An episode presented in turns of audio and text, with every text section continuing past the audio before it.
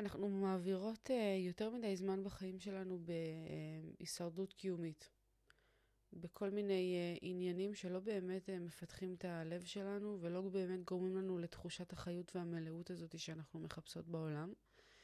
אנחנו עסוקות בשינה, אנחנו עסוקות במה אוכלים היום, אנחנו עסוקות בכמה אני מרוויחה, כמה כסף יש לי, כמה רכוש אני צוברת.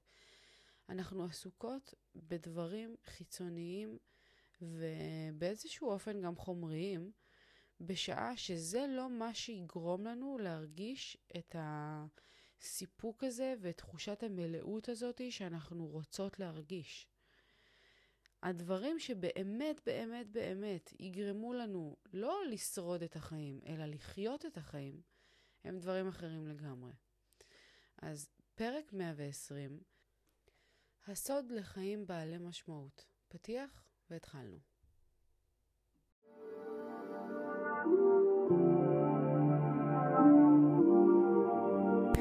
ברוכות הבאות יקירותיי לפודקאסט אימפרית אימהות בצמיחה. כאן אנחנו מדברות תודעה, אהבה ואמת, בשילוב עם כל השיעורים והניסיונות והקשיים שאנחנו עוברות בדרך, הן באימהות והן בחיים בכלל. אז רגע לפני שאנחנו מתחילות, תפתחו את הראש, תנקו את המחשבות ותהיו מוכנות לצלול פנימה. הנה זה בא.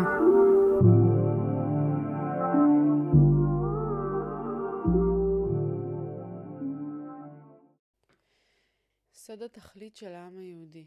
שאלתם את עצמכם פעם, איך יכול להיות שבמשך כל החיים האלה, לא החיים הנוכחיים שלנו, החיים מאז שאנחנו אה, שומעות עליהם בסיפורים, שזה אלפי שנים אחורה, איך העם היהודי הצליח לשרוד בשעה שכל כך הרבה עמים אחרים, חזקים יותר, אימפריות גדולות, לא הצליחו.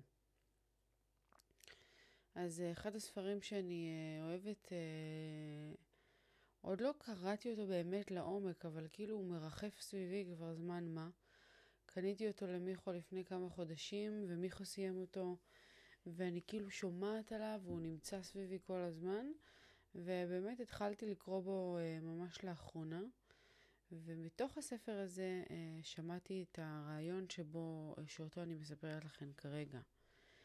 שמספר על זה שאנחנו בתור עם שרדנו דברים שהרבה מאוד עמים אחרים לא יכלו היו לשרוד.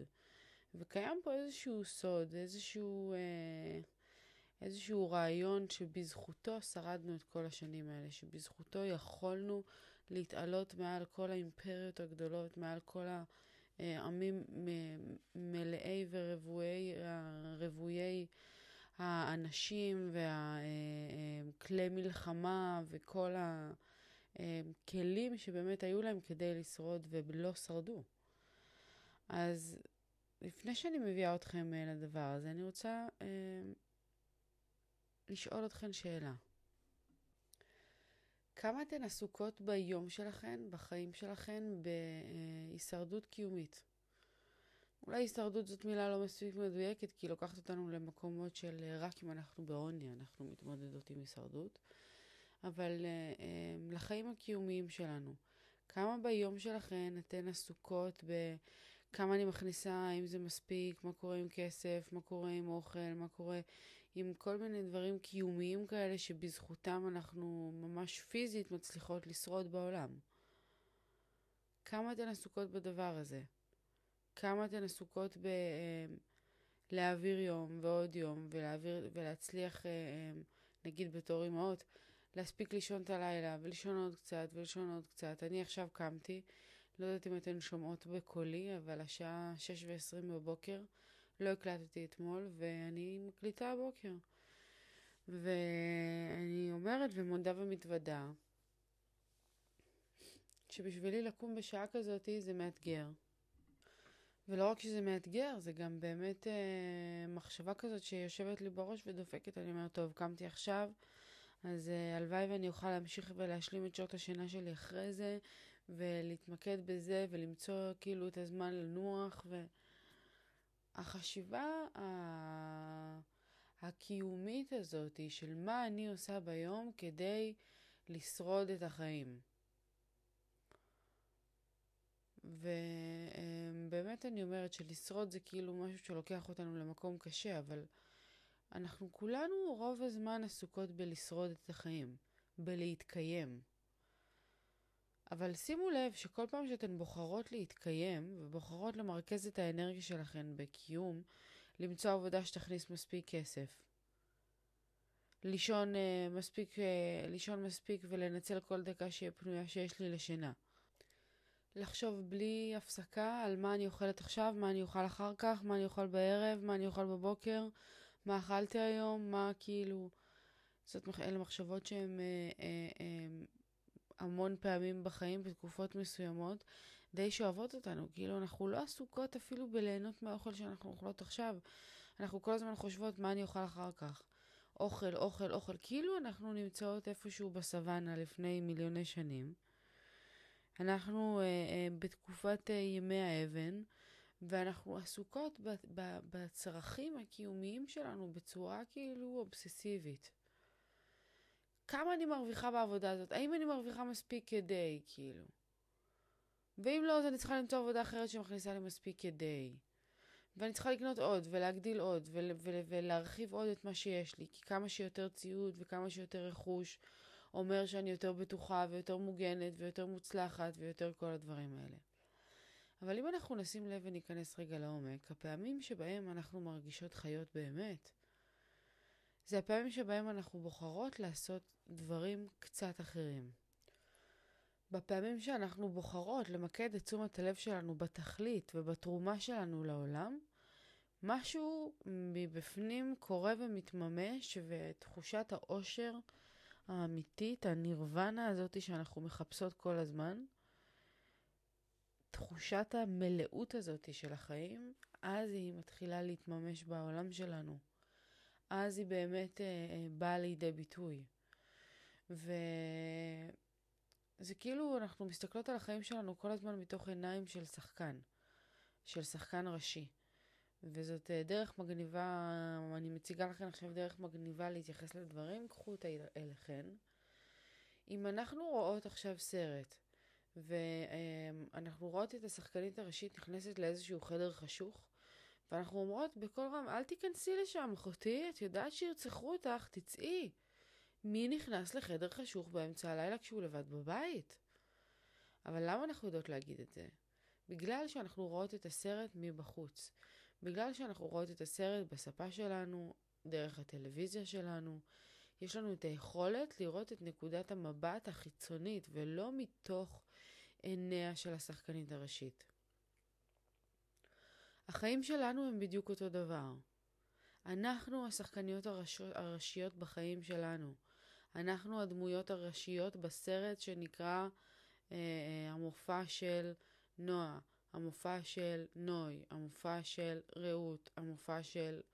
איך שלא קוראים לך. יש מופע ראשי על שמך, שבמופע הזה את נמצאת ומשחקת תפקיד ראשי, והכל נראה דרמטי וקשה ומאתגר וקיצוני דרך העיניים שלך. אבל אם תוציאי את הראש שלך רגע, ותשבי שנייה על הספה, ותראי את עצמך בתוך הטלוויזיה, וממש קחי את התרגיל הזה ותעשי אותו. אחת לכמה זמן אני עושה את זה, ואני מרגישה שזה מאוד עוזר לי לקבל פרופורציות בחיים. אז כשאת תעשי את הדבר הזה, תגלי וכאילו תוכלי לראות מנקודה רחוקה יותר שהדברים שדווקא מעניקים לך מלאות בחיים ותחושה של סיפוק ותחושה של עושר אמיתי, זה לא ההתעסקות בקיום, באיך אני אה, אה, משיגה יותר, באיך אני שורדת את החיים האלה, איך אני כאילו זה לא הדברים שהופכים אותנו לנשים שמחות ומאושרות. זה לא הדברים שנותנים לנו תחושת סיפוק. זה לא. ובגלל שזה לא הדברים שנותנים לנו תחושת סיפוק, אז אנחנו חייבות לשים פוקוס ולמרכז את האנרגיה שלנו בדברים שכן ממלאים לנו את הלב.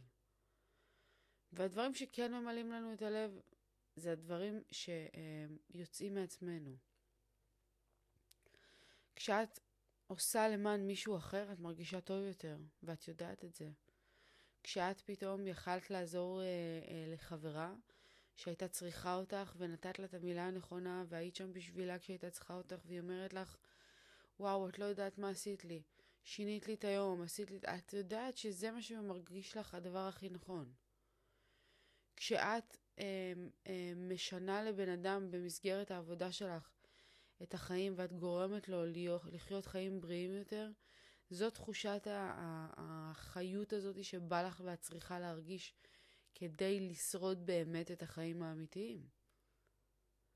כשאני מתעלה מעל עצמי ומצליחה לקום בשעה שש כדי להקליט פרק בגלל שאני יודעת שמישהי בצד השני צריכה לשמוע את, את המסר שאני מעבירה היום, אז זו תחושת החיות שאני מחפשת והיא גדולה יותר מהצורך שלי לישון. היא פשוט גדולה יותר מהצורך שלי לישון. השעה עכשיו 6.28 ואני אה, כבר חצי שעה אה, יושבת פה,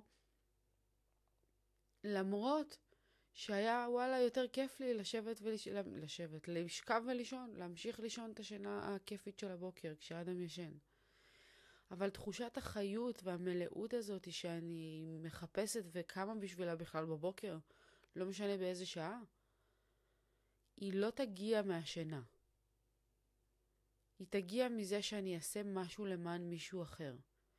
היא תגיע מזה שאני מגשימה את התכלית שלי. וגם את. התחושה שאת מחפשת תגיע מזה שאת תתרמי לעולם משהו. שאת תתרמי לאנושות הזאת משהו, שאת תביאי את הכישרונות שלך לידי ביטוי בצורה שתשרת את האנושות. וזה מה שאני מפצירה, מפצירה בך לעשות היום. ואני אסיים את הפרק, כמו שהבטחתי, בלספר לכם את uh, סוד הקיום של העם היהודי בצורה שכתובה בספר. אני אקריא לכם כי זה מאוד uh, מעניין ונחמד. מהו סוד ההישרדות של העם היהודי? פשוט מאוד. אנחנו יודעים את ההבדל בין החיים לקיום. כל אותם עמים נשכחים מיקדו את כל האנרגיה שלהם בהמשך קיומם. הם בנו מבצרים ואימפריות וצברו הון כספי, דמוגרפי ונדל"ני, ומחקו עמים אחרים. באופן אירוני, למרות כל ההישגים הללו, אנחנו לא יודעים איפה הם היום. היהודים, לעומת זאת, התמקדו במשהו אחר לגמרי, בחיים. משה רבנו סיפר לנו לאחר מעמד הר סיני שהקיום שלנו הולך להיות קשה עד בלתי נסבל. אנחנו נצא לגלות, אנחנו נחיה תחת העול של אומות זרות ואכזריות. אנחנו ננדוד כמו נוודים עניים ברחבי הגלובוס, נסבול טרור ואלימות וכו'. המסר של משה הוא שהקיום שלנו לא עומד להיות מרשים במיוחד בשנים הקרובות, וזאת משום שעלינו להתמקד בתפקיד שלנו, בחיים. המעניין הוא שלאורך ההיסטוריה, דווקא בשנים שבהן העם היהודי היה תחת איום קיומי, הצטיינו בהבאת חיים, קדושה וקדמה לעולם. דווקא כאשר יסוד החיים שלנו תופס את מרכז התודעה הקולקטיבית שלנו, הקיום שלנו פשוט מתחזק את עצמו כנגד כל הסיכויים.